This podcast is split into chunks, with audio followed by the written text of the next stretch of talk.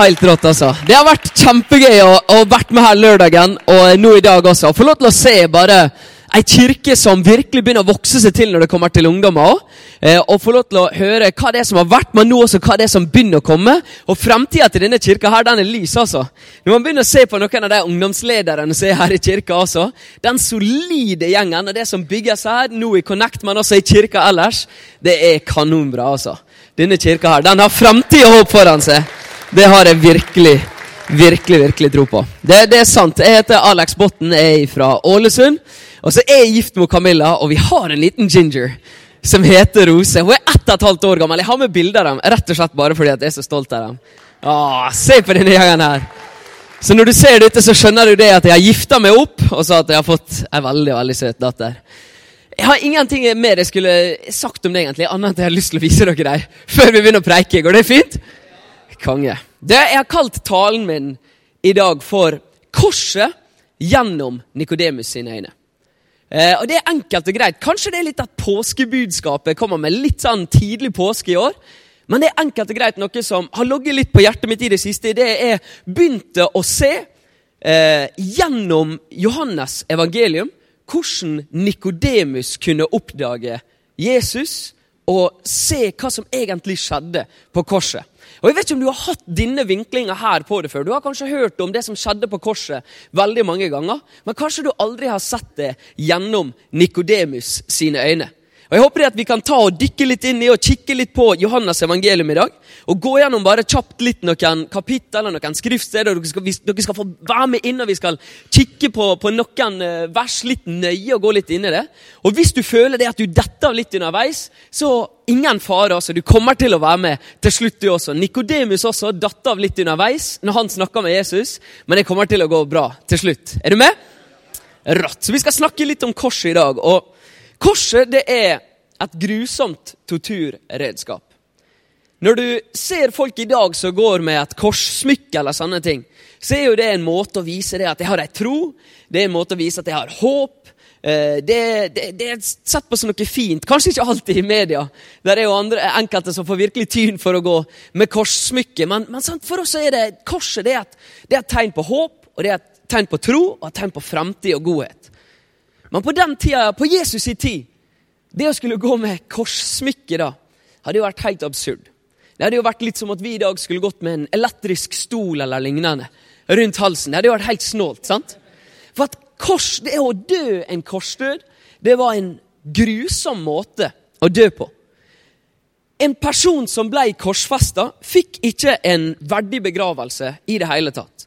Ble man korsfesta, så var det romerske soldater som ville ta det ned fra korset. Så ville, uh, ville kroppen blitt lagt på ei båre, og så trilla til en dal utafor som het Gehenna. Som, som, var som en søppelplass, og de holdt brennende. Og der ville Folk som hadde blitt korsfesta, de ble dumpa der. For å ikke få noe verdig begravelse whatsoever. Men for å sørge for at disse personene her ble skrevet ut av verdenshistoria. Når man var korsfesta, så hang man som en advarsel. Man hang gjerne naken for å si til alle andre som så den korsfesta, sånn går det med kriminelle. Dette her er flaut. Dette her er ødeleggende, og ikke bare det, men det skal endes opp med at du skal strykes ut av historia. Og Da er det helt sprøtt for meg å begynne å tenke på det og skjønne det. At jeg kunne stå mennesket og rope til min nydelige Jesus. Korsfest han, korsfest han, korsfest han. Men så vet jo vi det, at det skjedde jo ikke sånn med Jesus. At han bare ble skrevet ut av verdenshistoria. Tvert imot. Og en av de som var med og gjør at det var mulig, og var med på den planen hele veien, det var en person som heter Nikodemus. Og Jeg har lyst til å fortelle deg om korsfestelsen gjennom hans øyne i dag. Og jeg håper det at du henger med hele veien. Ja, Nikodemus var en fariseer. Han var en skriftler, det heter det, så han kunne masse av Det gamle testamentet. Det som de da kalte skriftene, det kunne han utenat. Han hadde det bankers inne, han hadde undervist om det mange ganger, og han var en lærer for Israel på dette området. her, Så han kunne kanskje mye av profetene, kanskje kunne han masse av salmene utenat. Han var skriftlærd, og han hadde peiling. Ikke bare det, men han var også en av jødenes rådsherrer. Så det vil si at Nikodemus var en, en anerkjent mann i byen også. Folk ville kjent til han. Ville, når, når Nikodemus snakka, ville folk høre etter. Fordi han var en av jødenes rådsherrer, og jødene ville høre etter når han røyste seg. Så når han snakka offentlig, så hadde meninga hans betydning. Så når han da snakka på torget, så hørte folk etter. Og så var det sånn også med jødenes rådsherrer at hele tida var de vant til at med jevne mellomrom, og kanskje med noen års mellomrom, og sånne ting også, så vil det dukke opp en sånn typisk Messias-skikkelse. Noen som, eh, som, begynte å samle sammen folk. At, at når noen begynte å, å, å liksom undervise, så kunne det være noen som tok litt ekstra av. kan du si, Og folk begynte å si sånn Å, kan det være Messias? Kan det være han som hele Gamle testamentet peker frem imot? Sant? Jødene gikk i et sånt spann og venta på en Messias som skulle komme. Og så var det mange sant, de skriftlærere der visste det Messias han skal bli født der og der, han skal være ut ifra den og den slekta osv. Men så var jødenes rådsherrer de var vant til det. At det var dukka opp med jevne mellomrom sånne Messias-skikkelser. Og Da så var det bare å finne et punkt å ta dem på, der de kunne si det. Dette er ikke noe Messias. Dette er bare en som prøver å skape oppstyr. En som prøver, som er, har tatt på seg for store sko osv. Så, videre. så var det å koste han av banen og få disse her Messias-skikkelsene ut og si det. Dette her stemmer ikke. Han her er en fake. Og så begynte jo det etter hvert også å ta seg ganske greit opp med Jesus. Når Jesus plutselig var ute og, og bare egentlig prøvde å ha litt tid for seg sjøl, og så begynner folk å stimle seg sånn rundt ham fordi at de har hørt det han sier, måten han snakker på, det han underviser om, måten han kan røre med syke mennesker, så blir de friske igjen, det er annerledes. Så begynner folk å stimle seg rundt Jesus. Og Så prøver han å komme seg alene en gang, og så plutselig er det 5000 menn og Hvis det da i tillegg er kvinner og barn der, så kanskje det var si at det var kanskje 10 000 pers på ett sted. Og Så begynner gjengen å bli sulten, og så sier Jesus For Jesus hører her er en som har to fisker og fem brød. Og Så tar han to fisker og fem brød, og så mater han alle de tusen som er der. Og folk begynner å si det må være Messias. Må, han her må jo være Messias. Og jo, Når folk begynner å snakke høyere høyere om dette, her, det må jo være Messias, det må jo være han, så begynner jødenes rådsherrer igjen. Og begynner å si det at Kom an, vi vet. Er, vi, er ikke dette her der sønnen til han snekkeren, da? Er ikke dette her sønnen til han Josef? Han er jo galileer. Det stemmer ikke overens med Skriften i det hele tatt, for de har ikke enda juleevangeliet sånn som vi har det til å kjenne den store historien. Så de koster han bare vekk og sier han er en fake, folkens. Dere må ikke la dere lure. Men så er det noen av jødenes rådsherrer som tror. Og en av dem er han Nikodemus. Og han Nikodemus har sett noen av disse. Kanskje han har lurt seg med på torget når Jesus underviste, når Jesus helbreda noen syke, når Jesus spytta på bakken, smurte gjørme på øyet til noen når de fikk synet tilbake igjen. Og Nikodemus sier det. Jeg klarer ikke å fornekte dette. her. Jeg, jeg, klarer ikke å bare late som at dette ikke skjer. Dette her er jo helt vanvittig, det Jesus gjør. Så han sier enkelt og greit bare det at jeg klarer ikke å fornekte, men med den ene foten så er jødenes, er jødenes rådsherre. Så jeg sitter i dette rådet. Det har noe å si hva jeg mener. Jeg kan ikke begynne å underbygge han som Messias nå. Alle andre i, i, rådet sier jo det at han er en fake, vi må kaste han vekk. Vi må bare få eh, slengt han ut av verdenshistoria. Og så på den andre sida sier Nikodemus jeg har sett for mye. Jeg tror jo egentlig på han. Og så Hvis vi ser litt inn i Johannes evangelium, så kan du se det at det kanskje er noen til i jødenes rådsherrer som tenker på samme måten. At vi klarer ikke, vi klarer ikke å overse de miraklene han gjør.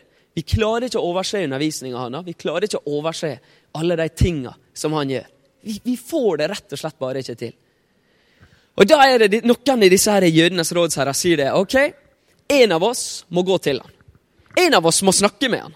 En av oss må nødt til å sette oss ned ansikt til ansikt og, og spørre han litt ut her. Og, og bare få høre litt Påstår han sjøl at han er Messias? påstår han sjøl at han er den frelseren som skal komme. Altså, vi, vi, må rett og slett bare finne ut her. da. Og Jeg vet ikke om de trakk lodd, eller om de flippa en coin, eller hva det var. Men det falt i hvert fall på Nikodemus å dra til Jesus for å snakke med ham. Nikodemus tør ikke å gjøre dette her på torget. Han går ikke til ham på dagen, han går ikke til ham i offentligheten og liksom sier 'Hei, Jesus, kan vi snakke litt?' Det hadde vært altfor anerkjennende. Så han går til Jesus om natta. Og så gjør han det heller i det skjulte, der han kan sitte alene og snakke litt ordentlig med Jesus. Og vet du hva? Jeg tror Nikodemus kommer til Jesus denne natta her med en blanding av frykt og samtidig tro. Tro fordi at han har sett så mye, men så tror jeg også han har en lengsel i hjertet sitt der han lurer på Jesus, jeg som er så religiøs, jeg som kan så mye av Skriftene utenat jeg som kunne sitert bibelvers på bibelvers på bibelvers. Har jeg gjort nok? Jeg er bra nok? Jeg er innafor? Jeg er akseptert av Gud? Jeg tror Nikodemus har en lengsel i hjertet sitt. Og så kan Vi ta, vi kan ta og lese sammen fra Johannes kapittel 3.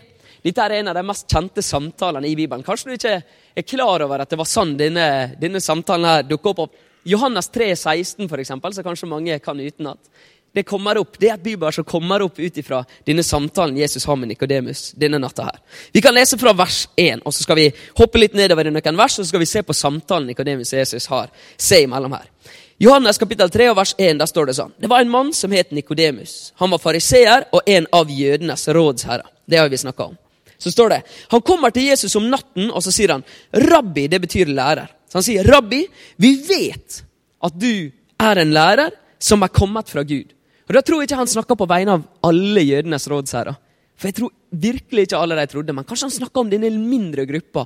Han, Josef fra Arimathea, kanskje noen til, som sier vi klarer ikke å fornekte. Så han sier vi i hvert fall, vi vet at du er en lærer som er kommet fra Gud. Se for deg hvis Nikodemus hadde sagt dette her på torget. Folk hadde sagt 'hæ? Anerkjenner du han som Messias? Det ville vært altfor stort kaos. Han sier dette på natta. Vi vet at du er en lærer som kommer fra Gud, for ingen kan gjøre de tegna du gjør, uten at Gud er med han. Og så står det det i neste vers så står det det at Jesus svarte. Jeg har ikke sett et spørsmål engang, men det står her at, at Jesus svarte. Og vet du hva jeg tror Jesus svarer på her? Jeg tror han svarer på den lengselen Nikodemus sitter med. Den lengselen der. Har jeg gjort nok? Er jeg flink nok? Har jeg prestert bra nok? Jeg, kan jeg nok av Det gamle testamentet uten at Jesus? Har jeg gjort lite nok synd til å være godkjent og innafor? Så sier Jesus det på denne måten. Han lanserer et helt nytt konsept for Nikodemus. Han sier, sannelig, sannelig, så sier jeg det. Den som ikke blir født på ny, kan ikke se Guds rike. Nikodemus har aldri hørt om å bli født på ny før. Så han skjønner egentlig ingenting. Jeg ser for meg Nikodemus ser litt sånn rart på Jesus og sier 'Hæ? Hva i alle dager?' Så han spør han. Eh, 'Hvordan kan en som er gammel, bli født?' Ja, det er sikkert det Jesus spurt. Hva, hva du snakker om, Jesus? Hvordan kan en som er gammel, bli født? Kan noen komme inn i mors liv igjen og så bli født for andre gang? Veldig banalt spørsmål. Og Jesus han tror jeg ser litt sånn rart tilbake igjen på Nikodemus, og så forklarer han. Nei, hør nå, Nikodemus. Den som ikke blir født av vann og ånd, kan ikke komme inn i Guds rike. Vann det er vår naturlige fødsel. Sant? Når man er gravid, og så går vann, og så har man sin første fødsel. Men så sier han det er ikke bare den fødselen, men det er også en åndelig fødsel, Nikodemus. Det er det å bli født på ny. Å få lov til å starte på nytt på en åndelig måte. Å få en ny åndelig fødsel. Er det Jesus prøver å forklare til Nikodemus her? Og så ser han nok sikkert det at Nikodemus fortsatt ikke helt henger med på notene. Han ser nok litt rart på han og tenker eh, Hæ? Ny åndelig fødsel? Det var ikke dette jeg hadde forventa. Og så prøver Jesus å mate det inn med teskje. Han sier, hør da, Nikodemus. Det som er født av kjøtt, er kjøtt. Med andre ord menneske for menneske, hund for hund. Men hør på dette her. Den som er født av Ånden, er ånd. Det er en ny åndelig fødsel, Nikodemus. Nikodemus, Jeg tror han fortsatt sitter der som et stort spørsmålstegn og skjønner ingenting. Jesus skjønner wow, dette går rett over hodet på Nikodemus. Så Jesus trekker det litt tilbake, og så sier han det. Ok, vers 7. Undre deg ikke over at jeg sa at du måtte bli født på ny. Jeg ser det at dette her ikke går helt inn hos Nikodemus. Men så gir ikke Nikodemus seg da. Han lurer på ja, men hvis det, hvis det er det som skal til da for å stille lengselen min, at jeg må ha en ny fødsel på en åndelig måte, hvordan kan det skje? Da? Så I vers 9 så sier han 'Hvordan kan dette skje?' spurte Nikodemus. I vers 10 så står det Jesus svarte. Han mobba han litt, og så sier han 'Du er en lærer for Israel'. Og så vet ikke du det, Nikodemus. Du underviser hele gjengen din. Du er en offentlig figur. Du er liksom bystyremedlem for jødene her. Og så kan ikke du dette her enkle her om å bli født på ny, Nikodemus. Og så tar Jesus enkelt og greit. I vers 14 så snakker han Nikodemus sitt språk. Han prøver å forklare det til han på en måte han kan forstå. Og Så tar han utgangspunkt i en historie Nikodemus ville kjent veldig godt ifra andre Mosebok. Der israelsfolket går ut fra Egypt og går gjennom havet. sant? Altså Gud lukker havet bak dem, at de blir fri fra Egypt. Jesus tar utgangspunkt i den historien, og så forklarer han. Nikodemus, husker du den historien? Ja, ja, selvfølgelig. Kan den utenat. Husker du når, når israelsfolket da ute i ødemarka slår leir, og så plutselig så popper det opp, viser det seg at det er slanger overalt der de har slått leir? Ja, selvfølgelig kan jeg den historien. Husker du hvordan det er at det, det, det stormer frem liksom slanger i klærne deres og i, i maten deres? Og, og det, det, beit barn og det beit eldre, og, og, folk ble syke. og Det var livsfarlig for hele israelsfolket. Husker du den historien? Ja, selvfølgelig jeg kan jo den historien, sier Nikodemus. Husker du hva som var løsninga? Når Moses ropte ut til Gud 'Gud, hva skal vi gjøre? Folket dør.' Husker du hva han fikk som løsning da? Så sier han det. På samme måte det, det, det, det, rare svaret egentlig som Moses fikk der av Gud, var at han skulle lage seg et slangebilde. Som en sånn statuesak. Og så skulle han reise den opp, og alle som så på den, skulle bli friske. Det var det snåle svaret som Moses fikk fra Gud da. Og så sier Jesus, bruker Jesus det, som var et frampeke fra Det gamle testamentet. Og så legger han det fram for Nikodemus. I vers 14 så sier han slik som Moses løfta opp slangen i ørkenen, slik må menneskesønnen bli løfta opp, for at hver den som tror på han, skal ha evig liv. Nikodemus ville kanskje stilt spørsmålstegn og sagt ja, hver den som, som holder buda, holder loven, mener du? Nei, hver den som tror på han, skal ha evig liv. Ja, hver den som er flink nok, mener du vel? Nei, hver den som tror på han, skal ha evig liv. Jeg vet ikke om Nikodemus klarte å sette sammen puslespillet der og da. Om han skjønte alle greiene. Jeg tror han gikk litt forvirra hjem fra Jesus etter denne samtalen. her. Kanskje var han litt spørsmålstegn. Så går tilbake igjen til de andre i denne lille gruppa innenfor jødenes rådsherre som også trodde, og de spør ja, hva sa han? Stilte han altså, noen av den, den lengselen som vi har i oss? Har vi gjort noe? Er vi flinke nok? Hva sa han? Er han Messias? Hva svar fikk du? Vel, han sa vi måtte bli født på ny. At det handler om en ny åndelig start. Hæ? Jo, han, sa, han, han refererte til historier fra Gamle testamentet om at Husker dere hvordan Moses løfta opp slangen i ørkenen? Ja, selvfølgelig. Ja, Han sa på samme måte måtte menneskesønnen bli løfta opp, og at hver den som tror på han, skal ha evig liv. Jeg tror hele gjengen klødde seg litt i hodet. Ok, det var kanskje ikke det svaret vi hadde håpet på. Det ga ikke så mye mening akkurat nå. Kanskje går de litt og klør seg litt i hodet og sånne ting. Altså Det som skjer videre herifra, det er det at Jesus han gjør mirakel. Jesus han gjør tegn. Det skjer under rundt ham. Folk blir helbreda. Det skjer mektige ting rundt ham. Og enda flere folk begynner å følge etter ham. Og Folk begynner å, å, å samle seg rundt ham der han går, og, og, og, folk begynner å snakke sant, overalt. Og Jo mer folk snakker, jo mer irriterer det jødenes rådsherrer. De sier 'Hvorfor folk lar seg føre vill? Han er jo bare en fake'.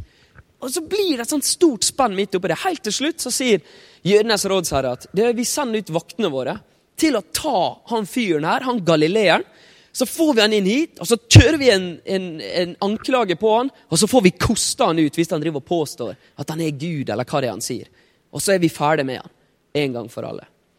Så sender de ut vaktene sine, og i Johannes kapittel 7 så kan vi lese sånn som dette her, i vers 45. Dette er kult. Da står det Vaktene kom nå tilbake igjen til overpresten og fariseerne. Så vaktene kommer tilbake igjen til jødenes rådsherre og spør jødenes rådsherre hvorfor har dere ikke ført ham hit. What? Hvorfor har ikke dere med tilbake igjen? Vers 46 så står det det svarte aldri har noe menneske talt slik som han. Så vaktene også sier det. Vi klarte ikke å ta han med oss. Vi har aldri hørt noen undervise på denne måten her. Det var helt rått. Og så spør da jødenes rådsherre tilbake i vers 47. Er altså dere ført vill nå, da? Spurte fariseerne. Vers 48. Har vel noen av rådsherrene eller fariseerne trodd på han? Så de spør vaktene sine ser du noen av oss jødenes rådsherrer som tror på han, tror at han er Messias, tror at han er noe mer enn en bare en fake. Jeg ser for meg Nikodemus står litt lenger bak. Har lyst til å si ja. Hva står i dette spennet? Ah, skal jeg si noe? Skal, jeg, skal jeg heve stemmen min? Kanskje Josef fra Arimathea også står og sier mm, Jeg tror jeg, hadde, jeg, klarer ikke å fornekte de miraklene jeg har sett han har gjort. Jeg har lyst til å snakke opp, men så gjør ikke de det helt ennå. Så han sier nei, denne folkehopen som ikke kjenner loven, de er forbanna, sier han, lederen som snakker opp her. Han sier det, Hele denne gjengen som driver og følger han der Jesus, de er forbanna. De kjenner ikke Skriftene. De vet ikke at han er fake. Og så står det da i vers 50 Han klarer ikke å holde munn lenger enn Nikodemus. Så det står Nikodemus, en av deres egne, han som tidligere hadde kommet til Jesus, sa da Loven vår dømmer vel ikke et menneske uten forhør før de har fått vite hva de har gjort. Så han prøver å sette opp et lite forsvar her. Prøver å ta Jesus litt i forsvar. Og så får han bare slengt tilbake fra han som har ordet. Han sier, 'Er du også fra Galilea?' Er du også bare en sånn nothing? Så sier de, 'Gransk Skriften, så vil du se at ingen profet kommer fra Galilea'. Det at Jesus skal være Messias, stemmer ikke overens med at han skal være ut fra, Davids slekt, hvor han skal bli født osv. Men klart vi i dag som har juleevangeliet, og vet at Jesus ble født på riktig sted, og så flykta derfra osv. Vi vet det. Men jødenes rådsherrer visste ikke det på denne tida her. Og så hadde de avkrefta han på grunn av det. Nikodemus blir jo bare slått ned av de andre. Sier du, er du helt idiot, Nikodemus? Er du også en galileer? Er du også ført vill? Så videre, da, i Johannes kapittel 8, så det, står det om ei dame som blir grepet i ekteskapsbrudd. Og så tenker de en gyllen mulighet. Nå kan vi prøve å ta Jesus på en annen måte. Så de kaster hun dama her ned foran Jesus. Og når hun da står foran Jesus, så sier de loven vår sier jo at hun dama her skal steines. Det var den jødiske loven som sa det. Så da begynner gjengen rundt å plukke opp steinene sine, og så tenker de hvis han nå sier 'kjør på, stein da kommer han til å miste alle etterfølgerne sine. Da er han ingenting annerledes. Da Da er alt sammen gone. Men hvis han nå sier 'nei, nei, nei, nei ikke stein vi overser loven denne gangen her, så kan vi ta han for hykleri, for å trosse loven vår. Dette er the perfect setup. Nå tar vi han på det. Så står Jesus der da, sammen med dama, sammen med hele gjengen rundt, som står klar med steinene for å skulle steine Så venter Jesus litt, og så sier han, bare så perfect til gjengen, så sier han, den av dere som er uten synd, kast den første steinen. Vær så god. Og så står det det at den eldste begynner først å tenke jeg kan ikke kaste stein. Jeg har synd i livet mitt. Slenger ned steinen sin, og så er det den neste etter den neste som sier jeg også har ikke vært perfect. Jeg slenger ned steinen min, jeg også. Og til slutt så har alle kasta steinene sine. Og så er det bare hun dama av Jesus som står igjen til slutt. Og så sier Jesus, er det ingen som har fordømt det? Nei, Herre, sier hun. Du har redda livet mitt. Yes. Så Jesus sier til henne, heller ikke jeg fordømmer det. Gå bort, og så synd ikke mer. Så plutselig så får jødenes rådsherre høre. Hæ? Påstår han at han kan tilgi synd? Dette her Hvem man tror han er Å, jeg bare kjenner det bare sitrer i dem. Hvem man tror han er som kan, kan bare tilgi hun damas synd? De klarte ikke å ta ham på det, og det irriterer dem grønn. sant? Så tenker jeg vi må sette en stopper for ham. I neste kapittel, i Johannes kapittel 9, så er det en blind mann som får synet tilbake igjen når Jesus helbreder ham. Men det som irriterer jødenes rådsherrer, er ikke bare at han gir han fyren her synet tilbake igjen, og det funker, men han gjør det på sabbaten. Han gjør det på en dag der du ikke skulle gjøre det. Det ble regna som arbeid. Du skulle ikke jobbe i det hele tatt. Og så gjør Jesus en god ting, men han gjør det på sabbaten. Og så irriterer det dem så ufattelig mye. Og så klarer ikke de å se Hallo, her er en mann som har blitt helbreda. De ser kun han har gjort det på sabbaten. Vi må ha bort med han fyren her. Vet du hva jeg tror det topper seg for dem i Johannes kapittel 11? Når Jesus står foran grava til en mann som har vært død i fire dager. De andre i familien til en mann, til Lasarus, sier det. Kanskje Jesus han lukter, han har vært død i fire dager. Og så sier Jesus, 'Rull vekk steinen'. Så roper han inn i grava. 'Lasarus, stå opp'. Og en mann som har vært død i fire dager, kommer gående ut av grava og er levende igjen. Det ville vært hysteri i området rundt. sant? De døde lever igjen. Han må være Messias. Vi har aldri sett dette her skjedd. Ever. Hva i alle dager er det som skjer? Han må jo være Messias. Vi kan ikke fornekte det. Jeg tror jødenes rådsherrer de får rett og slett nok av hele greiene. De kjører en ny runde og sender ut vaktene sine og sier denne gangen her så lar ikke dere han slippe unna. En sånn måte, det å skulle, skulle drive og sette i gang alt dette hysteriet nå før høytida, det å skulle drive og lure folk på denne måten, drive og lage alle mulige falske oppsetninger for å føre så mange mennesker vill osv. Vi skal ha bort med han fyren. Ikke bare det, vi skal utslette han fullstendig. Sinnet deres tar fullstendig over han. De sender ut vaktene sine. De får med Judas en på laget til å, til å, til å vise hvor det er Jesus er. Så går de til Getsemane, vaktene dersom Jesus er, og så tar de med seg Jesus tilbake igjen til rådet. Og Der så får Jesus bare den feigeste rettssaken mellom denne gjengen her ever. De kaster ut løgn om han, spytter på han, sier ting som bare er helt, helt feil, og, og anklager han for alt mulig. Se for deg Nikodemus står midt oppi dette her. Står på sida og, og kanskje han bare prøver å kikke i taket for å ikke ha øyekontakt med Jesus tør i hvert fall ikke å si at vet ikke hva, jeg var med han den andre natta og, og snakka med han. Og fikk forklart at, at jeg tror på han. At, at, vi ikke kan fornekte at vi har sett mirakler. Kanskje står han her midt i dette spennet her og ikke vet hva han skal gjøre. Skal jeg rope noe? Skal jeg si noe? Skal jeg bare late som ingenting? Skal jeg rope ut 'stopp', og så vender de seg sikkert mot meg også? Og plutselig bare står han sant, midt i, i, i dette her spennet her, som er bare så ufattelig vanskelig så begynner denne gjengen rundt de begynner å, å, å, si det at vet du hva? Vi har ikke noe myndighet, vi har ikke noe makt til å få han her dømt til døden. Men det er det vi vil, så vi tar han med til Pilatus. Vi tar han til det romerske overhodet her, som har muligheten til å dømme han til døden. Så kommer de og tar frem Jesus foran Pilatus. Og Pilatus han sier det, jeg finner jo jeg finner ingen feil, mann.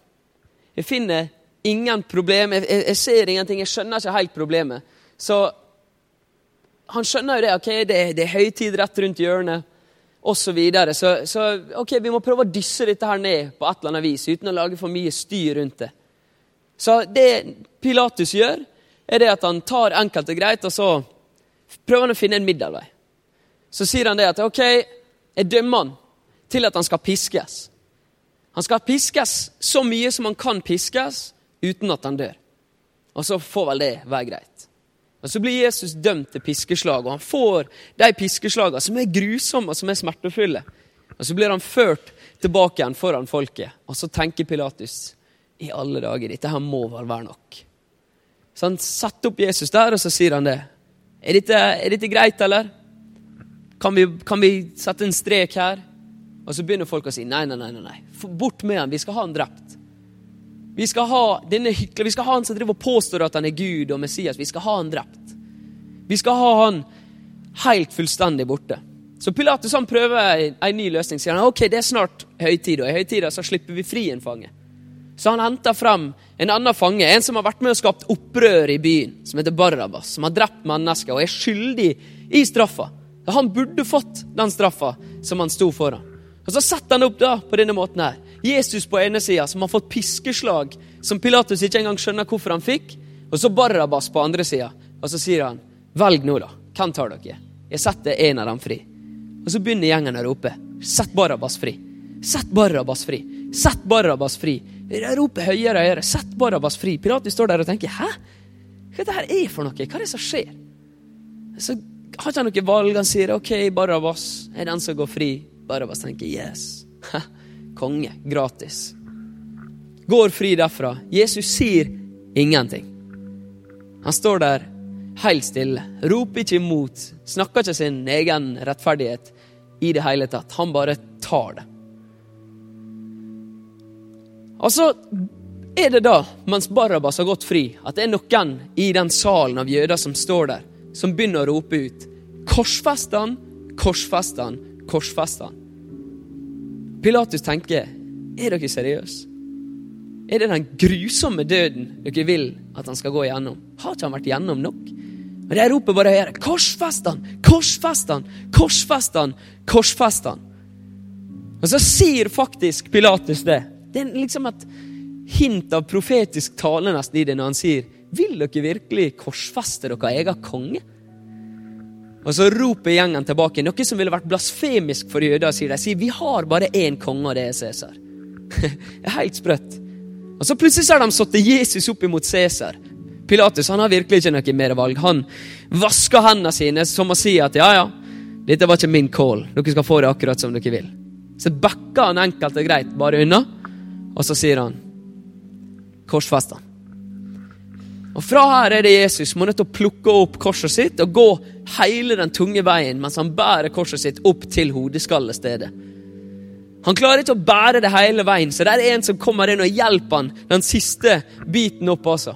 Men når han kommer opp dit til Golgata, så legges han ned på korset. Folkemengden stimler seg rundt, og så begynner de å spikre hendene fast til korset.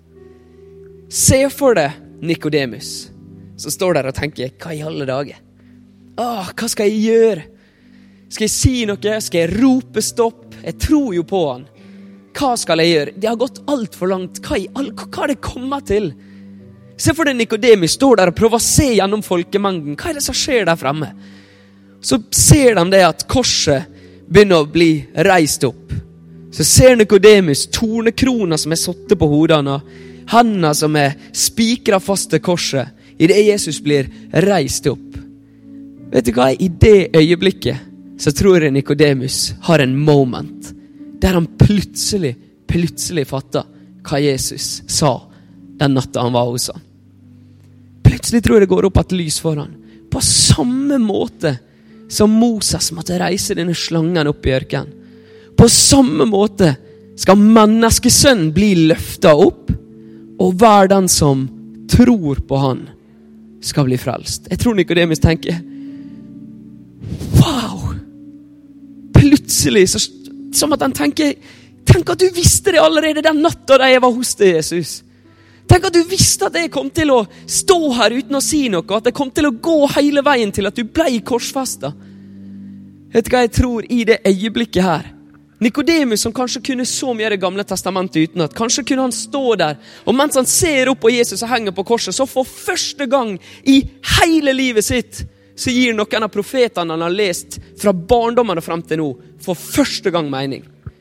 Idet han leser ting som Kanskje han kan sitere for seg sjøl Jesaja 53, sant? der det står Vi tenkte han er rammet, slått av Gud og plaget. Men han ble såret for våre lovbrudd. Å, han ble såra for mine lovbrudd. Han ble såra for Barabas sine lovbrudd. Han var det som tok all straffa knust for våre synder. Straffen lå på han, så vi fikk fred. Og ved hans sår er vi helbredet. Nikodemus må ha kjent jeg har aldri skjønt hva det betydde før i dag. Nå når jeg ser menneskesønnen korsfesta. Og idet Nikodemus skjønner det, at vet du hva, jeg tror jo på han så tror jeg han opplever en følelse av jeg er født på ny. Åh, dette er det han mener. Dette er min åndelige start. Fordi jeg skjønner at nå har han tatt straffa jeg fortjente, på seg. Han tok straffa Barabas fortjente, på seg. Han tok straffa alle de som sto der og ropte 'korsfest, korsfest, korsfest'. Han tok det på seg. Videre i Jesaja så står det 'Vi gikk oss alle vill som sauer'. Kanskje følte Nikodemus akkurat det. Åh, jeg føler meg lost som en sau. Hvor er alle disiplene hans nå? Vi gikk oss alle vill som sauer. Hver gikk sin egen vei. Men skylda som vi alle hadde, lot Herren ramme han. Åh, jeg tror Nikodemus skjønte for første gang. Jesus, dette her er amazing. Jeg tror på det.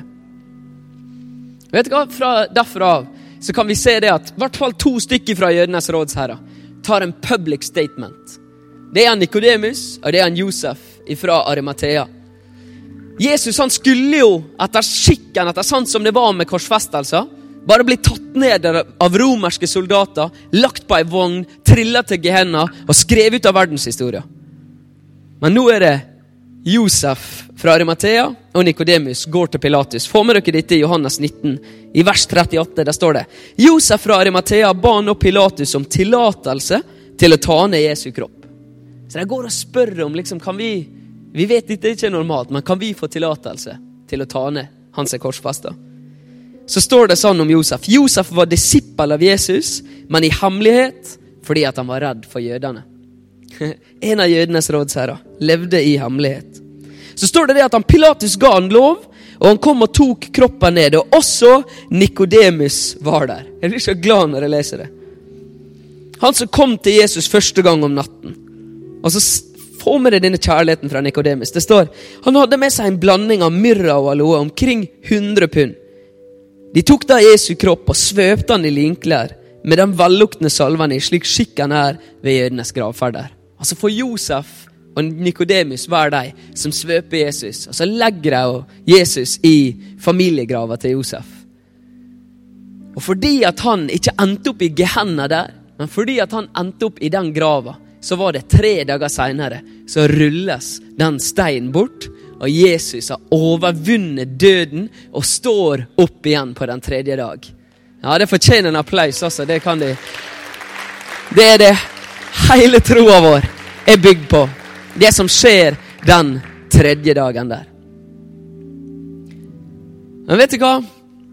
For meg så er det bare nydelig å, å bare få lov til å se det at det skjer på denne måten her. At Nikodemus kan få lov til å oppdage det å bli født på ny. Men vet du hva det som er det store? Det er det å skjønne det det er jo vi som er Barabas. Det er jo vi som står i stedet skyldig. Fordi at vi har gjort synd, fordi at vi har gjort feil. Og jeg og du, som alle disse som sto med steinene rundt, har alle sammen gjort feil. Vi har alle sammen synd i livet vårt. Vi også, om vi sto der med steinene, måtte lagt ned våre steiner også.